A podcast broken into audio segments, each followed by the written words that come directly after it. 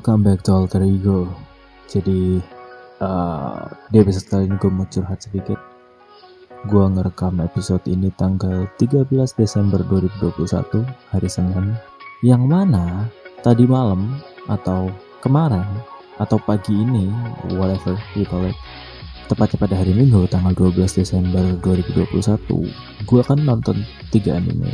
Satu tamat, yang satu masih ongoing, dan uh, yang satu lagi satu episode terakhir. Three anime adalah Blue Period, Mieruko-chan, dan juga Mushoku Tensei. Hari ini kita nggak bakal bahas satu-satu. Kita nggak bakal bahas Blue Period sendiri, Mieruko-chan sendiri, dan uh, Mushoku Tensei sendiri enggak. Kita bakal, gua lebih tepatnya bakal ngerekap episode masing-masing Blue Period episode terakhir, Miruko-chan episode 11 if I'm not mistaken dan Mushoku Tensei episode yang tayang pada 12 Desember 2021 atau itu jam 12 sih. Ya mungkin masuknya 13 Desember 2021 well whatever. Jadi gini. It's been a long time since anime hit me this hard. Gua sudah lama tidak mendapatkan pukulan telak dari anime secara uh, what we call it psikis. Karena gini loh. Mushoku Tensei yang oh by the way untuk kalian yang baru dengar podcast ini please spoiler alert. Jadi kalau kalian belum uh, nonton episode yang kita bahas kali ini sebaiknya nonton dulu. Karena kalau ya dengerin podcast ini siap-siap untuk spoiler. Well balik lagi. Pertama Mushoku Tensei dulu. Gue lupa jujur aja itu episode berapa but it's the second season. I think it's 10 or 11 gitu episode 10 atau 11 dari Mushoku Tensei yang menceritakan tentang kembalinya Rudeus dan Eris ke benua asalnya yang juga hal ini berarti adalah akhir dari petualangan Rudeus, Eris, dan juga Rukia. Well, ya, di awal episode kita bakal disuguhin perpisahan yang cukup sentimental antara Rujak, Rudeus, dan juga Eris, di mana Rujak memutuskan untuk uh, kembali ke benua iblis dan apa ya dengan selamat mengantarkan Eris dan Rudeus ke benua asalnya bahkan ke rumahnya Rudeus jadi terserah mereka sekarang mau ngapain gitu. Abis itu kita ditunjukin juga soal semacam camp pengungsian di mana orang-orang kehilangan rumahnya kehilangan keluarganya termasuk Eris yang kehilangan kakek ayah dan ibunya. So Ya, untuk anak 15 tahun seperti Eris itu beban yang cukup sulit untuk dipikul sendirian. Sementara Rio sendiri juga well di episode kemarin kita udah tahu kalau Paul masih hidup, Lilia masih hidup, Aisyah masih hidup, sama uh, Norn juga masih hidup. Yang belum ketahuan adalah Zenith atau uh, ibunya Rudeus. Well, di sini Rudeus menemukan sebuah nama yaitu Sylviet yang dicoret. Itu artinya dia udah uh, ditemukan. Tapi tidak ada dalam daftar korban jiwa. Itu artinya she's alive somewhere dan mungkin akan dicari sama Rudeus di petualangan-petualangan dia selanjutnya.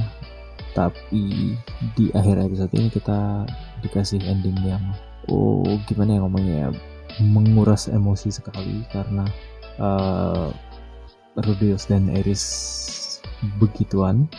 Karena Eris I don't know melampiaskan kesepiannya guess kepada Rudeus dan ya besok paginya Rudeus bangun. Aslinya dia senang karena melepas status bujangnya dan segala macam tapi ternyata Eris ninggalin dia Ares memutuskan untuk berkelana sama Jilin dan Rudeus sendirian. Dan untuk pertama kalinya seingat gua di anime Mushoku Tensei kita dengar Rudeus nangis. So wah ya gue bisa bilang kalau penulis naskah atau penulis skenario di anime Mushoku Tensei di episode kali ini dia itu lagi ngamuk karena dia menyampaikan semua emosi yang yang karakter dapatkan karakter utama dapatkan dari Deus, Eris, Roger bahkan Gillian juga ada di situ so iya ini episode episode yang sangat emosional bagi penonton seperti saya dan kalian dan juga bagi penulis yang mencantumkan idenya ke dalam manga, novel ataupun anime yang ada di sini. So, Musika Tensei guys up there super high rating. Well, uh, selanjutnya kita bahas Mieruko-chan dulu. So, di episode minggu lalu atau episode 10 I guess kita tahu kalau Mieruko sadar kalau dia punya tiga kesempatan untuk dilindungi dari roh-roh jahat. Di episode minggu lalu, dia udah pakai kesempatan keduanya. Jadi, dia cuma punya satu kesempatan lagi untuk dilindungi dari roh-roh jahat. Nah, di episode kali ini, dia menggunakan kesempatan terakhirnya itu. Dia menggunakan jatah perlindungan terakhirnya untuk menyelamatkan Zen Sensei yang apa ya?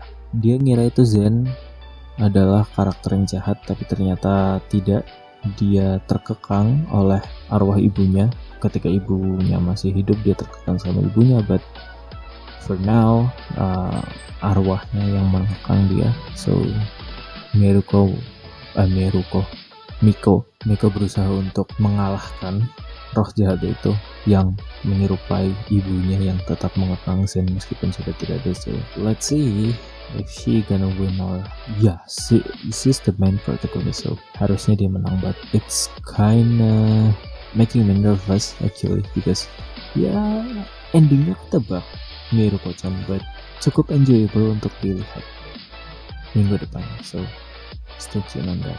And last but not least we have Blue Period anime underrated yang nggak tahu kenapa season ini hype-nya itu ketutupan sama Miruko-chan ketutupan sama Komisan Komisan wo Komishodes ketutupan sama Musuku Tensei ketutupan sama Platinum N ketutupan sama Tech Top Destiny ketutupan sama banyak anime bagus lainnya musim ini anime bagus banget ya. Well by the way di episode yang kemarin kita ngelihat kalau uh, bentar kita lagi ngomongin anime apa? Sih gue lupa Miruko-chan uh, kita lagi ngomongin soal anime. Blue Period oh ya nah uh, di episode kali ini kita ngelihat kalau Yaguchi sudah selesai melukis. Well, kita dijelasin atau dikasih lihat sedikit tentang proses dia melukis di awal di hari terakhirnya, tapi poin utamanya adalah dia melihat hasil ujiannya dan diterima. Yaguchi diterima di sekolah seni Tokyo uh, Universitas Tokyo. And the partner atau temannya yang digadang-gadang sebagai anak jenius yang rambutnya merah gue lupa namanya siapa Sawamura I, I forgot. Gue lupa namanya. Tapi yang rambutnya merah itu gagal. Dan setelah kita melihat betapa emosionalnya Yaguchi di uh, episode-episode uh, sebelumnya sampai stres sampai dia punya luka ruam di tangannya sampai jatuh sakit dia di hari pertamanya tidak melukis dengan baik jadi ketinggalan sama peserta-peserta lainnya dan perjalanannya dari episode 1 ke episode ini itu oh, apa ya cukup cukup membuat kita wah gitu loh. Membuat kita lega kalau perjuangannya itu gak sia-sia. Ya sebenarnya kalau kita ngomongin generic the main protagonist always win gitu. Tapi prosesnya yang ditunjukin di setiap episodenya itu hmm, bener-bener ngasih kita gambaran tentang apa yang dia perjuangkan. Ibaratnya gini there are a lot of anime talking about a guy that yang berusaha keras dan akhirnya mencapai tujuannya. Tapi proses penceritaan usahanya itu sedikit. Ada ada anime yang menceritakan proses proses pencapaian tujuan dari main protagonisnya atau main karakternya itu dengan secara singkat dan tidak jelas. Singkat padat dan tidak jelas. Tapi ada juga anime seperti Bakuman dan Blue Period yang menceritakan proses uh, perjuangan main karakternya itu dengan sangat detail. Gimana dia masuk klub seni? Kalau dalam blue period ya gimana gue masuk klub seni? Gimana dia uh, milih-milih universitas mana yang mau dia daftar? Gimana dia ikut les? Gimana dia akhirnya punya skill sedikit demi sedikit? Dan well ya yeah, it was sangat sangat sangat pleasant untuk melihat proses tumbuhnya seorang main karakter yang di build yang di develop dengan baik. So uh, Blue Period it's not a perfect anime. Still it's not a masterpiece but for a while finally we have a good uh, series a good show called Blue Period and yeah for the masterpiece part Mushoku Tensei I hope it will end soon maybe for the second season until core kedua kali ya. Jadi akhir musim depan itu udah sebaiknya atau semoga udah tamat ceritanya so kita akan dapat refresh lagi judul-judul yang baru. Dan by the way gue, gue belum ngomongin soal Platinum N yang ditulis oleh autornya Note jadi ya yeah, we'll talk about that later banyak banyak anime musim ini yang bagus yang belum kita omongin so that's all for now. Uh, sekian dulu untuk episode kali ini. Thank you for listening and see you on the next episode of Outer Ego